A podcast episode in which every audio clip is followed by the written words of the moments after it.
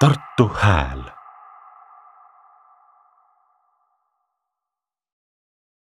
tere tulemast eh, Tartu Hääl, Haki Hääl ja Haki galeriis ma siin istun, Epp Petrone, minu kõrval istub galerist Raul Oreškin. ja ma korraks tuleks selle juurde, et mis asi on Tartu, Tartu Hääl või Tartu vaim. Eh, Tartu vaim on minu jaoks selline vaim, kus asjad hakkavad juhtuma spontaanselt, kus ei mõelda kasumile, kus ei ole tugevaid äriplaane taga, vaid on lihtsalt tunne, inimesed saavad kokku, midagi hakkab juhtuma. ja seda tunnen ma siin aparaaditehase ümbruses eriti tugevalt, et see ongi selline koht, kus, kus asjad juhtuvad eh, ilma suurte projektide ja plaanideta. ja meie saime sinuga täna kokku selleks, et äh, kõnelda sellest raamatust Minu Hersoon ja sellest, kuidas see juhtus.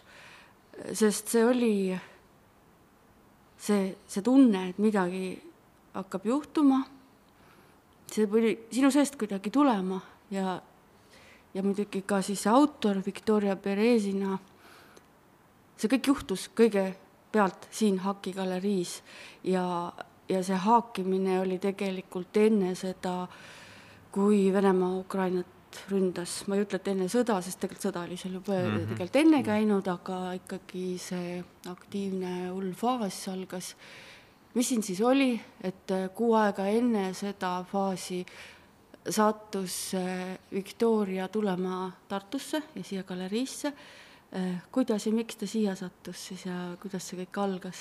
jaa, sa, tere, mina olen Raul ja sa väga hästi kirjeldasid seda äh, Tartu vaimu olemust, et kunagi minult ka küsiti mõned aastad tagasi, et äh, kuidas sa Tartu vaimu kirjeldad ja ma täpselt nõnda, peaaegu samade ah. sõnadega kirjeldasin, et see on tõesti juhtumiste jada, et, et need inimesed, tegevused, kokkupõrkamised Eh, ja nagu voolata laskmised, et see nagu tekitabki selle Tartu vaimu või vaimsuse. ja tõesti, Victoriaga kohtumine oli ka üks selline nagu suur juhuste jada, et et Victoria sattus Tartusse eh, Tartu Loomemajanduskeskuse kutsel, mm, kus siis eh, Tartut väisasid eelmise aasta alguses mingi kümmekond Hersoni loomeettevõtjat, kunstnikku, disainerit, et kontakte luua, natuke õppida äh, meie loovettevõtjatelt ja kunstnikelt, kuidas ise hakkama saada, kuidas oma ettevõtmistele finantseerimist leida, kuidas oma loomingut paremini esitleda või ka müüa, sest ka seda on ju kunstnikel vaja ja, ja siis muuhulgas äh, käis grupp ka siin Haki galeriis, tollal küll kandis meie galerii nime, nime Tartu pood, aga noh, koht on ikkagi sama, inimesed on sama ja ja, ja, ja siin me tuttavaks saime. Ja kuidagi kohe nagu tekkis ka selline koostööplaan, et noh, vot põrkusidki, põrkusidki inimesed. Ja, ja tekkis selline koostööplaan, et, et kohe, kui Victoria tagasi läheb, hakkame korraldama siis Tartu ja Hersoni kunstnike vahetust, et viime Tartu kunstnikud Hersonisse, toome Hersoni kunstnikud Tartusse ja ja teeme sellise toreda näituse vahetusprojekti ja kui sellest midagi edasi sünnib, siis laseme sellel nagu voolata. ja asusimegi kirjavahetusse, Victoria jõudis panna kokku ka sellise korraliku portfoolio Hersoni kunstnikest, mis siiani on mul arvutis alles ja millest ka tegelikult mingi osa ju ka tegelikult näitusest hiljem ka realiseerus, see juba siis oli okupatsiooni ajal. ja kõik nagu siis kulgeski selle hetkeni, kuni siis saabus kakskümmend neli veebruar ja sina ja... olid sellel hetkel haige, nagu ma raamatust ja neist kirjadest ja. Äh, tagasi kajast olen lugenud. ma olin koroonas sel ajal tõesti. ja, ja, ja, ja see võis päris hirmus olla, et ja, esimesel hetkel ja. ei saanud ühendust ka ja.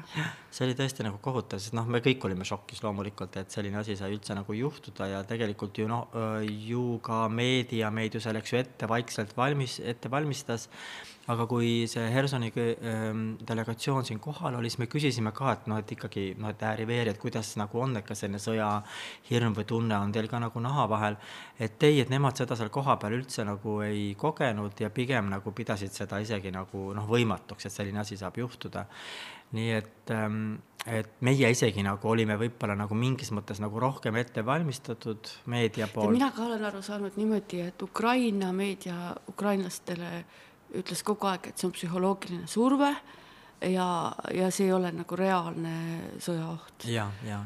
ja, ja, nii nad seal elasid et, et pigem oli see nagu neile, no loomulikult oligi neile suurem šokk, sest tankid tulid ju nende kodulinna, eks ju, nende kodumaale. et loomulikult, aga see oli ikkagi šokk ka meile, kuigi me olime tegelikult nagu justkui nagu noh, noh, mitte et selle ootel, aga, aga meid oli ikkagi väga hästi nagu ette valmistatud. ja siis äh, ja me loomulikult kirjavahetust jätkasime ja kuidagi kujunes nii välja, et tõesti, et me iga päev vahetasime sõnumeid ja päris selle, iga päev ei saanud seda vist äh, seal paaril võimalik. päeval olid ja. internetikatkestused kogu selle perioodi jooksul ja siis ka juba tegelikult äh, Victoria sõbrad, kes olid selleks ajaks juba Rootsi põgenenud, andsid mulle teada, et Hersonis on suured internetikatkestused, et Victoria ei saa mõni aeg kirjutada ja need olid tõesti sellised nagu nelja-viiepäevased augud vahel, aga muidu küll praktiliselt iga päev. ja Victoria abikaasa Daniil suutis ikkagi nagu leida ka sellised turvalised internetiaugud, et isegi kui nagu läks Ukraina net maha ja pidi minema üle Vene võrgu juba internetti, siis ja kõiki neid ju oli oht, et ju jälgitakse kogu kirjavahetust ja internetivoogu, et äh, siis äh, Daniil suutis leida sellised turvalised augud, kuidas ikkagi sai nagu välismaailmaga suhelda. kas see turvaline auk tähendab siis seda, et see ei olnud nagu Vene internetis või? Äh, ma nii täpselt isegi ei tea, et kuidagi ja. ilmselt jah, et võib-olla ei läinud mm. nagu jah, päris nagu, nagu nende voogude.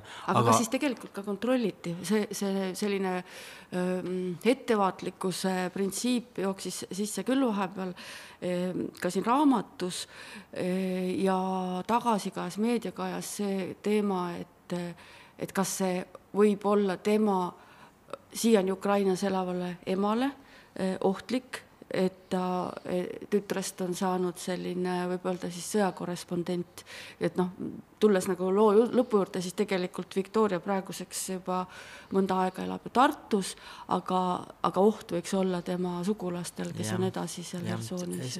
eks need hirmud ja. on kogu aeg ju tema sees olnud ja me oleme neist ikkagi aeg-ajalt rääkinud eriti just alguspäevadel, et kui üleüldse nagu tuli jutuks, kas neid tema kirju tohib nagu jagada ja ta noh, kohe algusest peale nagu ütles kindlalt, et jaa, et et ma tunnen praegu, et mul on tekkinud nagu hääl ja ma tahan seda häält nagu edasi anda, et see oli tema kindel soov, kuigi me jah, püüdsime seda turvalisust hoida sellega, et me eh, seni, kuni Victoria elas Hersonis, ei maininud tema perekonnanime, eh, need olid Victoria kirjad. väga huvitav nimi on tal, ma ei tea, kas sa kunagi oled seda mõelnud, Victoria on ju võit. ja, ja just ja., jah et, et seda, et see eesnimi pidi jääma, et see ja, oli tema ja, ja. üks missioon, et just, tema just. nimi on Victoria ja noh, võib-olla kõige jah, selline nagu, nagu selline hirmutavam hetk oli see, kui, kui tema kirju loeti ette Vene saatkonna ees Tallinnas nii eesti kui vene keeles, et eesti-vene näitlejad lugesid need tekstid sisse. kas sellel hetkel ei olnud äh, kusagilt läbi jooksnud tema perekonnanimi, kui see ettelugemine tegelikult oli? enne seda ühes väljaandes olid Akadeemias olid tema, tema ees ja mm. perekonnanimi juba ilmunud, nii et kui väga oleks tahetud, muidugi oleks saadud need, need pildid kokku panna, ju siis ei olnud see hetkel nagu nii. ilmselt on äh, Venemaa Venemaa masinavärgis nii palju segadust ja Just, tegelikult jah. ei jäänud ta ilmselt siis hammasrataste vahele seal kuigi ju kohapeal oli neid lugusid, kes äh, ukrainlastest ja Hersoni elanikest, kes ju sotsiaalmeedias lihtsalt tegid selliseid noh, väga revolutsioonilisi väljaütlemisi ja kes vahistati ja ja, ja hoiti keldrites mitu kuud ja mõni on ju siiamaani kadunud nendest aktivistidest. et, et tema ikkagi äh, silma ei jäänud ja võib-olla tõesti ka see turvalisus, et ta alati peale igat kirja saatmist ta kustutas äh, kohe kirja oma postkastist ja tegi selle arvutile siis nagu mingisugused turvaprotseduurid et need tõesti nagu ei säilinud tema postkastis ja tema arvutis. see on väga huvitav. Ja, ja üldse noh, ma ütlen, ma lugesin neid kirju, eh, mis oli minu jaoks eh, selline üllatav eh, nüanss, see, et kuidasmoodi okupatsioon tänasel päeval sellise globaalse küla ja internetiajastul tähendab hoopis teist asja et, et ma loen, et millal siis tuleb see tunne raamatus, et ta elab okupatsioonis. ja see tuleb nagu hästi vaikselt sisse, et, et ma saan aru sellest, et edasi jäävad Telegrami rühmad, kus ta suhtleb oma äh, sõpradega e,, edasi jääb, eks ju, kirjavahetus Rauliga nagu kogu aeg, eks ju, ja, ja tegelikult see äh, sisemine vabadus, mida annab just nimelt see internetiühiskond, seda ei saadudki ära okupeerida. ja samal ajal hakkavad vaikselt tulema need nüansid, et, et, et ma saan aru, et tegelikult tänavatel on okupatsioon ja, ja sees on Vene väed ja aga ta nagu sisemiselt ei võtagi seda tegelikult omaks. hästi tasapisi toimub see arusaam, et ahaa, et kusagilt maalt siin nendes kirjades on juhtunud see, et see linn on okupeeritud äh,, aga Victoria ei ole seda kunagi nagu noh, välja sõnastanud. hästi huvitav oli minu jaoks see mm. -hmm. sellest okupatsioonist äh, hakkas ikka isegi Victoria rääkima alles siis äh, sellest nagu vaimsest ja psühholoogilisest terrorist, mida see okupatsioon kaasa tõi, alles siis, kui ta tegelikult juba oli Tartus, et alles hakkas siis nagu teadvustama, et ikkagi jah, kogu see kirjavahetus ja ja vaba maailma gruppides äh, info saamine, et ikkagi oli nagu võimalik saada ka seda informatsiooni, mis ei olnud nagu Vene kontrolli all, sest tegelikult ju kõik see telemastid ja kõik ju võeti ju kohe maha, raadiod ju kõik ju tegelikult ja, ja kusagil nagu mainis, et näed, et telekanalid on muutunud. isegi ukrainakeelsed kanalid tulid, aga nagu need kõik aga olid venemeelsed nagu, et selles mõttes kõik see nagu muutus nagu, aga et jah, need infoallikad jäid nagu samaks, aga, aga tagantjärgi rääkides nagu Victoriaga, see ei olnud igaspäras nii, et väga paljudel ei olnud seda võimekust nagu just leida neid turvalisi internetikanaleid, et saavutada, et leida need grupid ülesse. et see ei olnud et ikkagi nagu igaühe võimuses. vanamoodne okupatsioon just, ka. just, et ikkagi sul ei mm -hmm. olnud seda võimalust äh, nagu, aga no jah, oma mõtteid nagu väljendada, et mis Victorial ju jäi tegelikult ju lõpuni välja. ja eks äh, ikkagi see turvalisus oli ju kogu aeg ja see hirm, et tegelikult ta ka oma kodustele, ei emale ega ka Danilile, eh, vennale ei maininud kordagi, et ta on kirjavahetuses minuga aa, isegi tema abikaasa ei teadnud? ta ei tahtnud mm. seda, et, et kui juhul, kui juhtub mingid, juhtuvad mingid arreteerimised, et siis, et ei, et ei ole nagu see hulk, kes seda teavad, ei ole väga suur ja et see noh, ühesõnaga, et ei saa kuidagi välja mhm. pressida või, või, või välja piinata neid, neid ütlusi. et selles mõttes ikkagi ja. see noh, et see okupatsioon ja. ikkagi jõudis ja. ka psühholoogiliselt lähedale, aga lihtsalt tema mm. vaprus ja julgus nagu sellest ja, nagu ja. ikkagi nagu aga sina teadsid seda, et ta ei räägi teistele? ei teadnud, ma arvasin, et ta ikkagi räägib, sest ta sest vahel... et vaata, sina elasid siin noh, tegelikult turvalises Tartus on ju, sa andsid oma parima eh, noh, võib-olla võtsid ka sina mingeid riske, aga need olid ikkagi ma arvan, et pigem sellised, et sa, sinu risk oli see, et sa võtsid oma aega, energiat, on ju, panid selle projekti, mis oli nagu noh, heategevuslik, võiks just, öelda. aga ma arvan, et sa ei tundnud, et see sinu elu kuidagi ei, absoluutselt, seda ma küll tõesti ei tundnud jah, nii palju ja. ikkagi me ikkagi oleme vabas riigis juba, et ma sellist, sellist ja. tunnet enam ei tunne, et et pärast küll jah, siin Viktoriaga on küsinud, et kuidas, et noh, Venemaa on siin ju nii lähedal, kas te ei tunne nagu seda Venemaa hirmu, siis ma ikkagi ütlesin, et tõesti, et igapäevaselt meie nii, nagu ei tunne mm et see, aga kuidas sinu peas see mõte tuli, et noh, sa said need esimesed äh, kirjad, esimene emotsionaalne sõnum tuli, kas sa said siis kohe aru, et, et see on midagi, mida sa peaksid hakkama tõlkima ja jagama?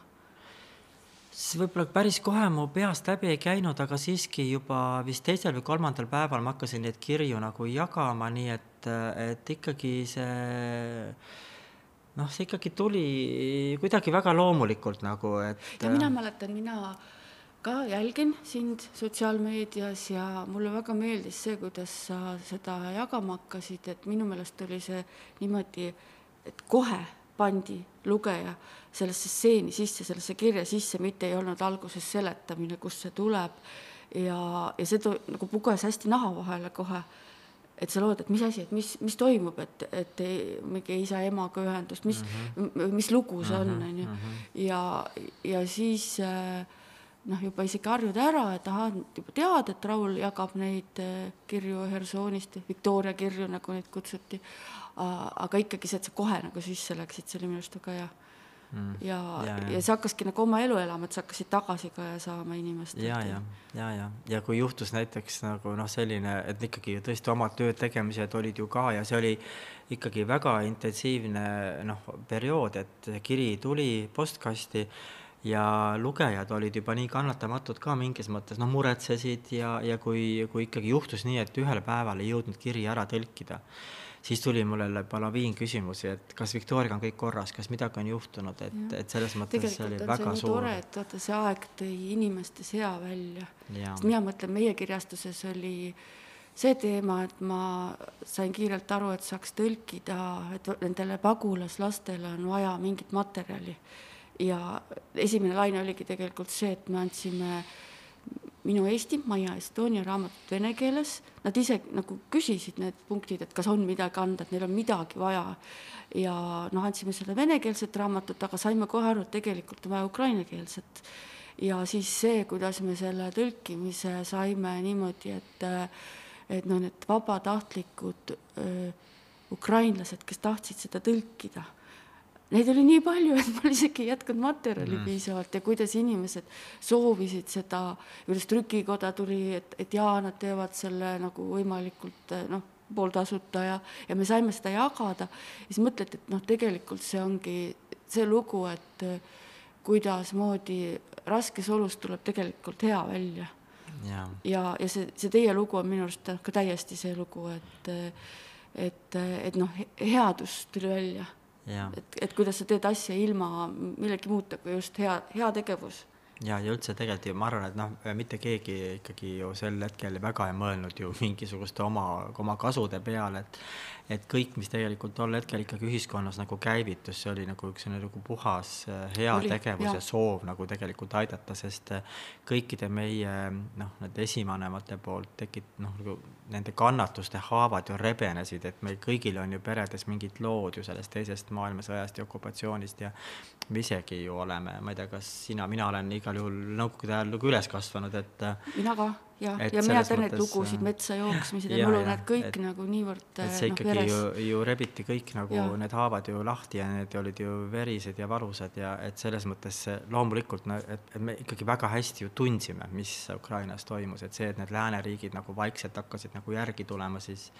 siis noh, meie tegelikult nagu mäletasime seda kõike, et jaa, sest Eestis hakkas kohe märtsikuus noh, seesama nagu mina kirjeldasin, see meie lasteraamatute projekt ja ja hakkas nagu see headuse laine ja see, kuidasmoodi hästi palju oli seda vabatahtlikku ja, tööd, kus ja. inimesed kogunesid ja juba järgmine päev oli piiri peal Eesti vabatahtlikud tõid, eks ju, Ukrainas ju, et selles mõttes nagu see käivitus ja. nagu kohe ja ma arvan, sellest tuulest nagu läksime ka nagu meie edasi, et see lihtsalt, et see kirjavahetus nagu kirja, kirjavahetus jõudis sotsiaalmeediasse, seal juba lihtsalt ta nagu hakkas oma elu elama ja seal ei olnud enam nagu varianti kuidagi nagu seda, seda taganeda või sellest nagu eemale tulla, et see, see muutus nagu lihtsalt igapäevaseks äh, nagu noh, nagu hingamiseks, et see oli vajalik. huvitav on see, et siin äh, raamatu esimese veerandi peal või niimoodi esimest, esimese kuu jooksul on kogu aeg Viktorial see tunne, et see sõda saab kohe läbi et umbes, et näed, et äh, sünnipäevaks on ikka mm -hmm. läbi ja kuidagi niimoodi sünnipäev oli tal kunagi aprillis vist yeah.. et, et aga siis äh, mingisugusel hetkel hakkas tulema sisse see reaalsus, et see sõda võib kesta pikalt yeah.. kas sinul oli ka alguses see tunne, et see saab kiirelt läbi või olid sa nagu samas rütmis, nagu tema oli? no ma ikkagi arvasin ka, et saab kiiremini läbi jah, sest et tegelikult äh, noh, kuidas ikkagi kogu maailma reaktsioon sellele äh, nagu tegelikult oli, oli ju valuline ja tulid ju abipaketid Euroopa Liidust, USA-st ja ja kuidagi need sanktsioonid, mis mis Venemaale kehtestati ja siis ju esialgsed uudised, mis sealt tulid, et kuidas see Venemaa elu on nagu tegelikult äh, halvemaks teinud äh, just kohalike, kohalike venelaste elu. et noh, nüüd nagu näha, siis kõik kannatavad selle nagu ära, kui halvaks seal elu tegelikult on läinud, me ei teagi, eh, ega ka meie elu ei ole paremaks läinud, kui mõelda nagu, mis on need sõja tagajärjed, siis kõik need elektrihindade tõusud ja, ja, ja laenude kallinemised ja kõik see on tegelikult ju samamoodi, et ega ka meie, meie elu on läinud mingis mõttes nagu ju tegelikult äh, halvemaks tänu sellele, et äh, loomulikult mul oli tunne, et see lõpp, et see lõpeb varem nagu ära, et see saab nagu läbi, et, et ma elasin võib-olla ka Victoriaga väga ühes rütmis ja kuidagi talle ka kaasa ja see tundus nagu väga nagu loogiline, et see saab kiiresti nagu läbi noh, tänane seis on hoopis nagu teine, isegi mäletame, kui Victoria eelmise aasta oktoobris Tartusse tuli, siis ta ütles, et me oleme jõuludeks kindlasti tagasi ja siis, kui Hers on vabast-. et ta tuleb mhm. paariks kuuks siia ja, ja, ja nüüd ja. on aasta ja rohkem. ja, ja siis, kui Herson vabastati novembris, siis oli nii, me varsti läheme tagasi ja tegelikult äh, noh, seda linna äh, äh, on igapäevaselt kogu selle aja jooksul pommitatud kas sina muide ise oled Ukrainas käinud kunagi? jaa, mul on tegelikult isegi Ukraina juured aa, seda ma ei teadnud, ma mõtlesin, et, ma ei olegi seda väga ka afišeerinud, et mm, -hmm. et äh, mul äh, isa on pärit Lvovist, no tol ajal Lvovist, täna Lvivist. Mm -hmm. et äh, ja minu vanaema elas Lvivis, nii et mina mm -hmm. oma lapsepõlves ei sõitnud vanaemale maale külla, vaid sõitsin vanaemale Lvivi külla aga ma mäletan seda aega väga ähmaselt, see oli ikkagi varajases äh, muidugi öeldakse, et, ähm, et tegelikult on ühe Ukraina sees no kaks Ukrainat, et üks on lääne ja teine on ida, et, äh, et see Herson ja Lviv on nagu erinevad. erinevad, jah. seda, aga kas sa Hersonis, seal idas oled käinud? ei ole käinud, jah, tõesti, ma olen ainult. Lvivis käinud, et. jah, aga see, jah, see linn on muidugi äh, hoopis teine, kui ta oli enne seda, kui see sõja aktiivne faas algas. see on selge, kõik on muutunud, ma küsin seda, kas sa tunned, kas Victoria on muutunud?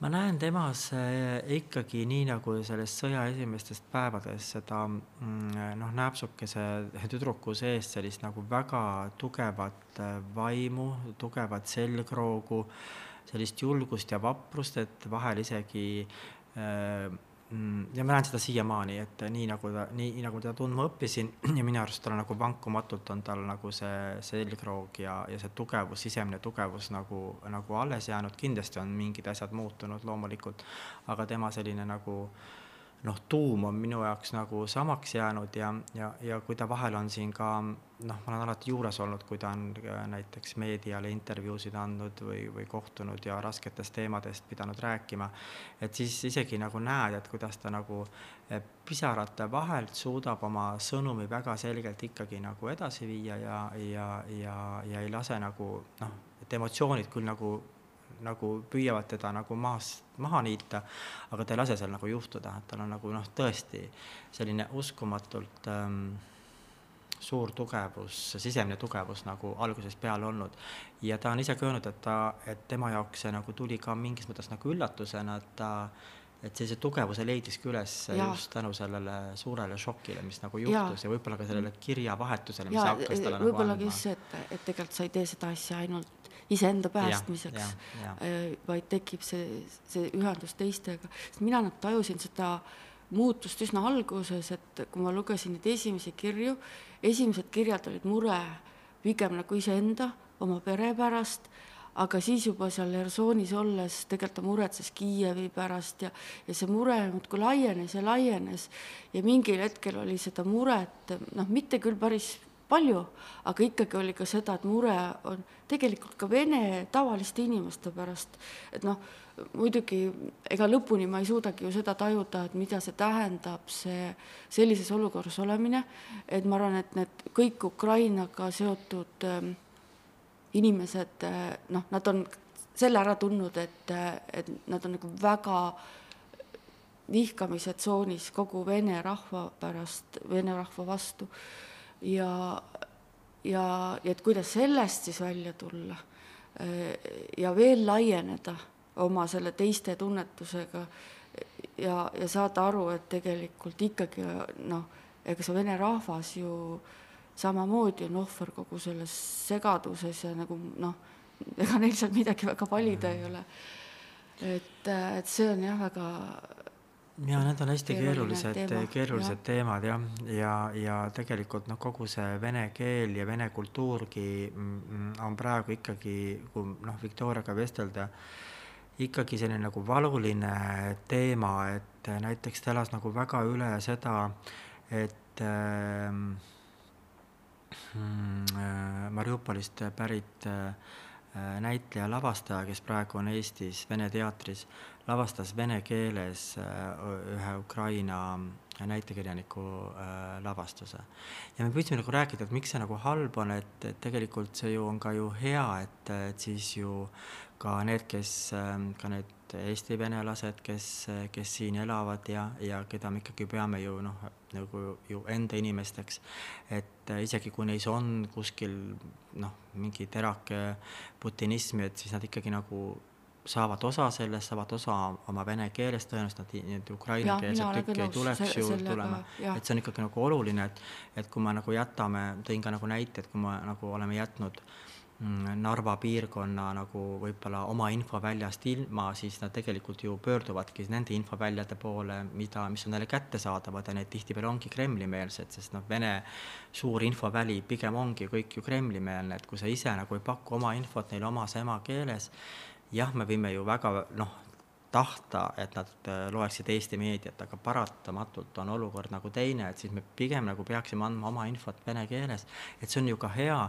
Ja ta ütleb, et jah, ma saan nagu aru sellest, aga mind praegu väga häirib, et, et, ähm, et äh, Ukraina lavastaja lavastab vene teatris vene keeles. et sa saad aru, et see valu on kuskil nagu nii sees ja sellest ja. nagu ülesaamine no, võtab veel nagu trots, trots kibestumus, kibestumus ja. ja see võtab ja. aega aastaid ilmselt, enne ja. kui see kõigest nagu, nagu lahti saab. rääkisin ühe äh, Mariupolist põgenenud ukrainlannaga, kelle emakeel on tegelikult vene keel, sest et nad on ju seal hästi paljud ära venestatud. Äh,, Äh, tema sees oli ikka täiesti äh, noh, ka seesama trots, kibestumus ja see segadus, et noh, tegelikult ta ütleb, et ma ei tahaks vene keeles kõneleda. Ja oma lapsega ta pursib äh, ukraina keelt äh, ja ütleb, et noh, see ongi nüüd hea, et nagu tänu sellele äh, šokile, kuhu meid on viidud, et, et me läheme tagasi oma emakeele juurde aga tegelikult tema enda, nagu sa võtad mm -hmm. nagu tehniliselt tema vene keel, millest ta mõtleb ja tunneb, ongi vene keel. ja ta ütles ka, et ega nad ei vihanudki enne venelasi, aga et see kõik nagu tekkis sellest, mis, mis ta läbi pidi elama. nii et äh, jah, aga, aga keele juurde veel tagasi tulles, ma olen kahe silma vahele jätnud selle teema, et aga mis keelest sina tõlkisid neid Victoria kirju? jah, see oli väga kummaline, et me jäime suhtlema inglise keeles, sest siin kohapeal äh, ma räägin küll noh, päris mitte ma ei saa öelda nagu soravalt, aga arusaadavalt vene keelt. kas sa räägid isegi ukraina keelt äkki? ma ukraina keelt ei räägi, sest et tol see... ei vot kahjuks ei räägi ja ma nagu kui kuulates Victoriat ukraina keeles, ma saan aru siis, kui ma tean, mis on, äh, mis on see vestluse kontekst, et kui see on päris kontekstiväline, siis on nagu natuke raske võib-olla nagu aru saada. Äh, et tol... ütle midagi ukraina keeles meile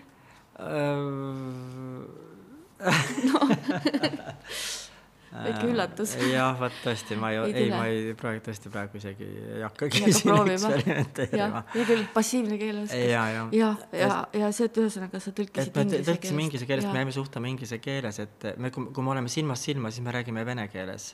Vahel ka inglise keeles, et Victoria inglise keele oskust lihtsalt natuke nagu võib-olla parandada et ta tahab ise väga nagu suhelda inglise keeles just nagu sellise arendamise või õpingute eesmärgil, et, et inglise keel seal kohapeal Hersonis väga kasutada kuskil ei saa, ainult ongi välismaailmaga suheldes.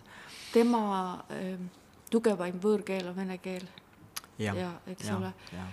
kuidas üldse Viktoriaga edasi mm, tulevik, ta tahab tagasi minna kodulinna, ema on ikka tal ju seal jaa, no ta on, ta on püüdnud eh, oma ema mitu korda ka Eestisse tuua, isegi lausa nii, et ta on olnud valmis, et ta sõidab ise Hersonisse ja tuleb koos emaga ära, aga ema on nagu vankumatult kas ema nagu töötab ikka haiglas? haiglas ja ta mm, -hmm. ta ei, ta ei soovi ära tulla ja mingis mõttes isegi see täiesti nagu ka mõistetav, et sa mm -hmm. ei taha oma kodu, kodust lahkuda. Ja isegi tema isa, ema isa ei ole enam koos, neil on nagu eraldi pered, õigemini isal on uus pere et tema isa vahepeal elas äh, Odessas või Kiievis, ma ei mäleta enam nüüd, Kiievis vist. ja ikkagi tuli ka tagasi Hersonisse, ikkagi tagasi mm -hmm. oma koju, nii et, et selles mõttes mõlemad tema vanemad elavad ikkagi Hersonis ja nad ei ole valmis sealt lahkuma ja, ja Victoria ja Daniil ikkagi esimesel võimalusel tahaksid tagasi oma koju minna. kuidas see seiklus või mm, teekond läks, et nad äh, siis tulid siia, et, et läks see lihtsalt? Ja no see otsus tuli pärast seda, kui see referendumiga Hersoni oblast mm -hmm. kuulutati Venemaa mm -hmm. osaks ja jah, no nii-öelda tekkis... tegelikult see oli mõnes mõttes nagu illegaalne referendum, aga ja, ja, see just, toimus. No, siiski ja... see toimus ja seal tekkis nagu oht, et et, et need Hersoni mehed võetakse, värvatakse Vene sõjaväkke ja tegelikult sa pead nagu minema nagu, nagu põhimõtteliselt nagu omade vastu nagu sõtta ja, ja siis tekkis see, et see oli see nagu viimane piisk sinna karikasse, et Victoria sõbrad olid kõik ammu juba tegelikult ju linnast lahkunud, kunstnikud olid mööda ilma laiali läinud, väga suur osa Rootsi erinevatesse residentuuriprogrammidesse, Poola.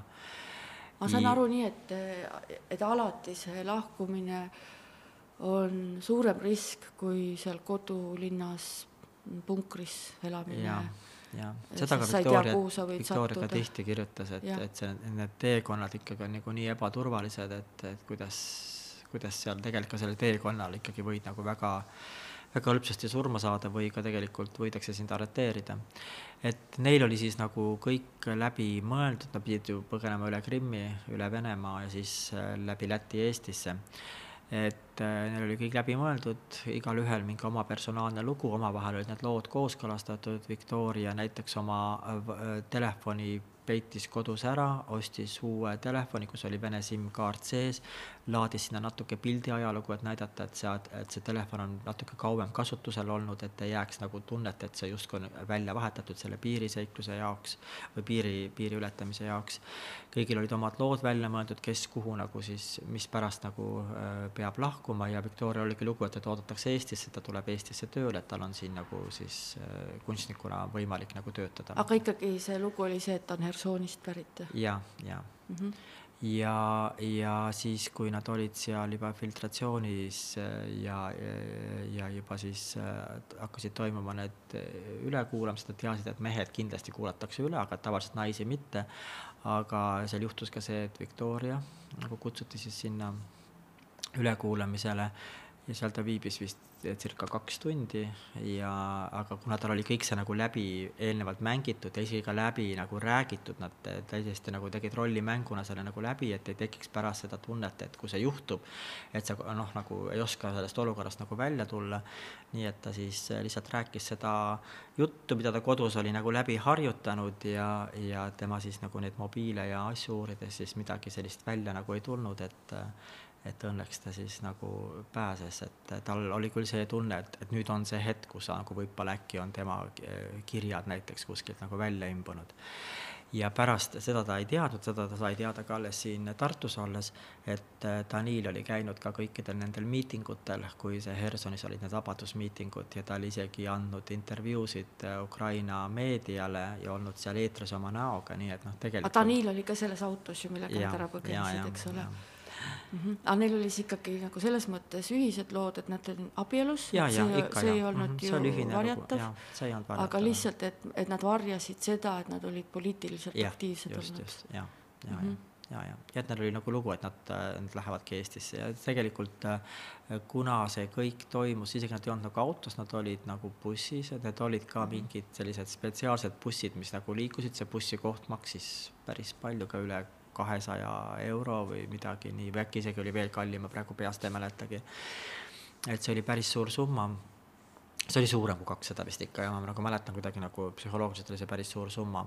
et see oligi, et, et igaühele see polegi üldse nagu taskukohane. ja seda see... on ka öeldud, et need ei tule ära, kes on nagu selline äh, noh, madalam ja, klass, et ei ole sellist raha, et ära tulla, aga need, kes saavad maksta selle koha eest, et ja. need, need on lahkunud. ja need bussid ikkagi nagu juba, neil olid ka ilmselt nagu mingid seal kokkulepped juba piirivalveametnikega, mingitest piiripunktidest nad said ikkagi nagu kiiremini üle, aga ikkagi need ülekuulamised tehti kõik ikkagi nii, nagu, nagu oli, et nad olid seal piiri peal ikkagi päris pikk, kogu see bussitäis oli üle nagu kuulatud ja, ja siis ähm, äh, noh, Victoria ise on ka siin raamatus ka, ta ju kirjeldab, äh, et see see nii-öelda see põgenemine ongi ju lõpupeatükk, mis on nagu tegelikult nagu, nagu film, kui seda loed, see on nagu film, kuidas see kõik nagu toimub, ei tahaks seda kõike nagu ära rääkida. ja, ja aga jaa, et, et Mhm. see võib-olla jah, kõige suurem mm -hmm. nagu tülgastus oli tal nagu äh, seda teekonda läbides just Venemaa poolt, et ta püüdis võimalikult palju seal bussis magada, et mitte üldse vaadata aknast välja, aga näha seda, seda Venemaad, et, et see oli tal tema jaoks mm -hmm. nagu psühholoogiliselt nagu kõige raskem ja tülgastavam. ja vaata, kui tulla tagasi selle Victoria tuleviku juurde, ma tunnetan seda, et tal on tegelikult potentsiaali olla see noh, nagu avalik esineja veel rohkem, et see lihtsalt ongi nüüd see küsimus, et äh, võib-olla ta ei ole selleks valmis, aga nagu sa enne kirjeldasid seda äh, Vene inforuumi muutmist nagu läbi südame, siis tegelikult see oleks noh, tema võimalus eh, seda muuta. aga, aga võib-olla ei ole valmis. jah, no tegelikult äh, nende kirjad, need, need kirjad tegelikult ju äh, kui need loeti ette seal Vene saatkonnas, siis ju tõlgiti vene keelde, eks ju, et need olid nagu selle, selle hetkeni, kui neid, kui see aktsioon toimus, selle hetkeni nad on tõlgitud ka vene keelde. Ja siis ma mäletan, et, et keegi sellest projektist veel küsis, et ähm, kes seda, seda Vene saatkonna äh, aktsiooni nagu vedas, et kas neid kirju võib nagu vene keeles paljundada ja jagada, et ta elas ise Lasnamäel ja ta tahtis oma naabritele sealt jagada, et nad, et nad noh, nad saaksid nagu lugeda, et mida üks ukrainlane praegu peab nagu läbi elama. ja mäletan seda äh, Victoria ka sellele nagu loa andis, et ma ei tea, kui palju neid ka vene keeles mingil hulgal siis seal Lasnamäel nagu levitati. aga kui praegu on ka ju küsitud loomulikult, et kas, kas seda kohe, kui ta ilmus, kohe hakati küsima, et äh, et kas ilmub ka vene ja, ja eesti keeles ja Inglise keeles. Eh, vabandust, jah, vene, inglise keeles ja võib-olla ka ukraina keeles. ja ilmselt potentsiaali mingites keeltes seda, seda välja lasta ilmselt ka oleks, aga Victoriale endal täna nagu tundub see, et, et vene keel ei oleks nagu ilmselt see, mida ta nagu eelistaks, et kui peaks ilmuma nüüd raamat mõnes teises keeles, siis mitte ilmselt vene keeles, aga pigem inglise keeles. jah, no arusaadav, mis, mm, mis tunne see võib olla. Kuigi ja tegelikult mina oma mätta otsast arvan, et oleks äh, eriti Eesti venelastel oleks ikkagi no lihtsam seda mõista ja noh, see, ma ütlen, potentsiaal olemas, kui sa ütled, et Lasnamäel hakkas niimoodi kuidas see samõstat nagu selline käest kätte paljundamine, edasiandmine. aga jah, et see raamat ilmus eesti keeles ja ilmus nüüd mõni nädal tagasi, eks ole. ja huvitav on see, et, et on öeldud, et, et, et Eestis on Ukraina teemast väsimus, et see raamat oleks võinud juba varem ilmuda ja, ja selline teema, et vaata enam ei viitsita lugeda seda, et mitmes sõjapäev äh, käib ja mis äh, noh, mis seal üldse toimub, aga sa kuidagi tajud seda, et see on nagu hakanud kuidagi igapäeva reaalsuseks saama, et Ukrainas käib sõdimine ja, ja, ja noh, rohkem ei ole seda empaatiat nii väga ja kaasaelamist. no muidugi seda väsimust on ju tajuda, et noh, tajud seda ju tervikuna ühiskonnas ja noh, kõik need, mis, mis siin ka nagu on toimunud kogu selle selle heategevuse ümber ja kõik on ka ju mingid oma, oma jäljed ju, ju jätnud, eks ju, et ähm, aga samas ähm, samas ju meedia hoiab ikkagi seda teemat väga hästi üleval, kui, kui ikkagi noh, olla nagu meediale avatud, siis tegelikult see Ukraina teema jõuab nagu kohale, aga võib-olla on noh, isegi viimased uudised nagu veel kõige rohkem murettekitavamad, et, et kuidagi see see abi, mis peaks lääneriikidelt, eeskätt USA-lt praegu Ukraina relvavägedele jõudma, on nagu kuidagi pidurdunud ja tänu sellele pigem nagu on need viimased uudised, et Vene väed nagu võib-olla nagu edenevad juba isegi oma positsioonidelt nagu paremini edasi. Et noh, see kõik nagu teeb nagu murelikumaks ja ilmselt see sõda võib-olla venibki nagu väga pikaks, nüüd juba on pigem nagu selline tunne, et see on, ongi võib-olla asi, mis nagu jääbki nagu kestma väga pikalt. ja, ja noh, ega ka inimlikul tasandil ega sa ei suuda ju iga päev kõikidele nendele asjadele kogu aeg ju niimoodi kaasa elada ja siis ju lahvatab, eks ju, kuskil nagu järgmine sõda ja siis noh, globaalses maailmas avastad, et sul on ka Iisraelis äh, ja. sõber ja on ka Palestiinas tuttav. et selles mõttes noh, see et... ja seal on veel kuidagi keerulisem, et et Vene-Ukraina konflikti puhul on nagu arusaadavam, kelle poolt olla, aga Iisraeli-Palestiina puhul on tõesti niimoodi, et et, et on raskem. jah, et ühest küljest on nagu mõistetav, et ja. ühiskonnas nagu noh, mingis, mingil tasandil tekib nagu ikkagi see nagu väsimus või ma ei taha öelda nagu apaatsus, aga noh, et mingi väsimus.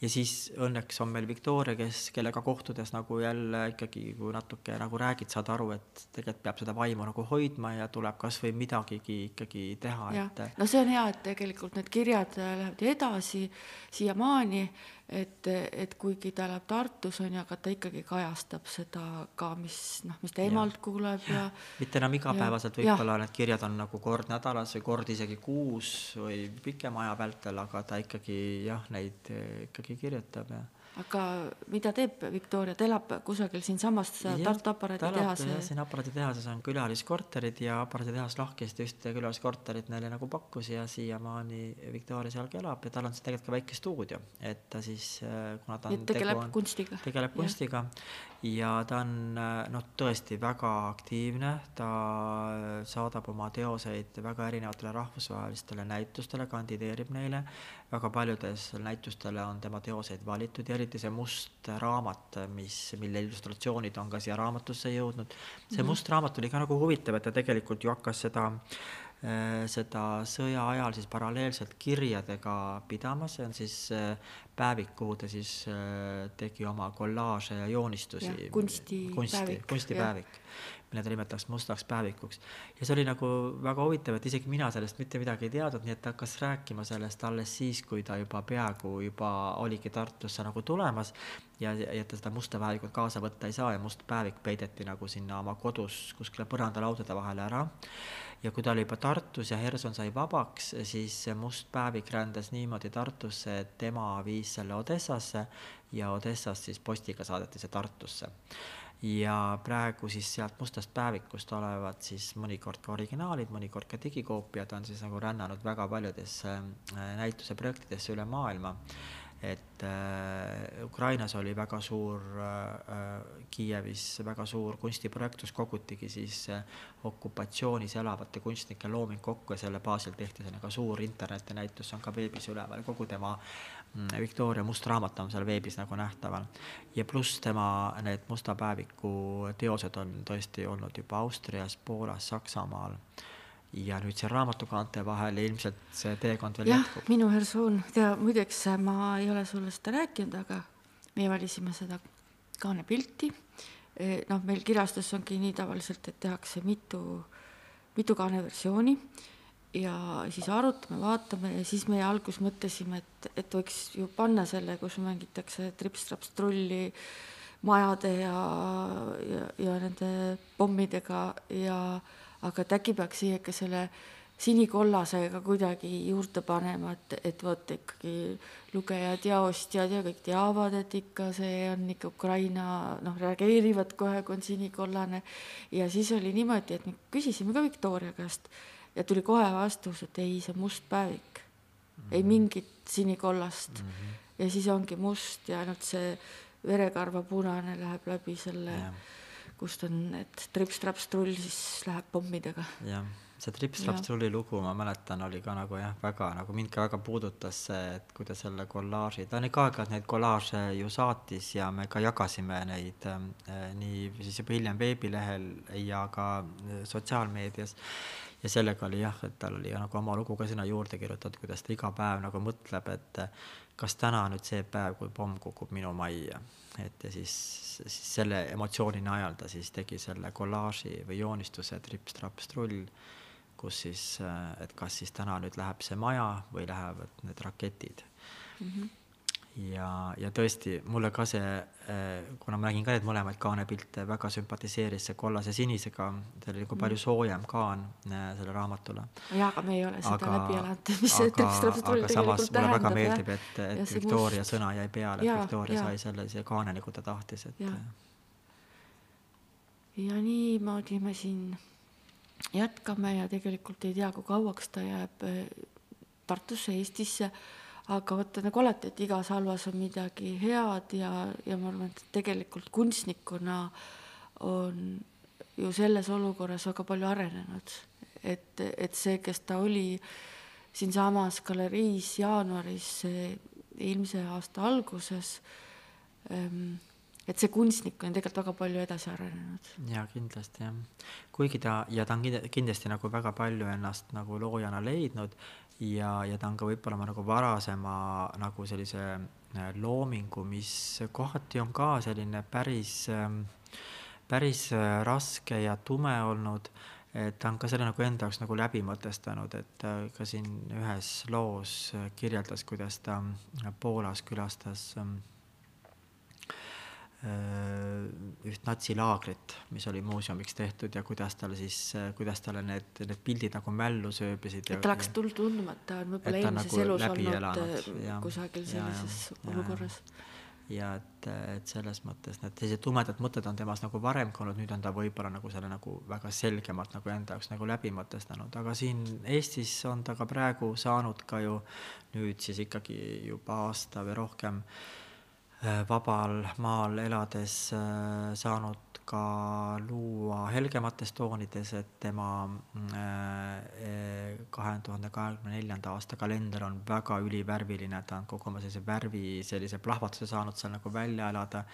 Ja, ja praegu ta valmistab ette jaanuarikuus avatavat personaalnäitust, mis saabki toimuma siin Haki galeriis jaanuari keskpaigas. Uh. -huh ja, ja seal on ta nagu sellise nagu, ma isegi nüüd ütleks, ütleks, et mingis moel nagu sellise nagu Skandinaavia vaikuse endas üles leidnud, et need, need teosed tulevad nagu jälle täiesti hoopis teistsugused. et on näha küll, kuidas ta nagu kunstnikuna võib-olla ka niimoodi nagu, et noh, nagu ka otsib, aga ka väga nagu, nagu aren-, areneb ja kuidas tal ka nagu võib-olla selline see, see vaba maailma mõjud ka nagu tegelikult juba tulevad otsapidi nagu sisse, et, et väga põnev on teda ka kunstnikuna olnud jälgida aga aitäh siis järgmiste Tartu häälteni ja, ja tulge siia Aki galeriisse. siin juhtuvad asjad. ja, ja jaanuaris tulge kindlasti ka Victoria näitust vaatama, et lugege raamat läbi ja siis tulge näitust vaatama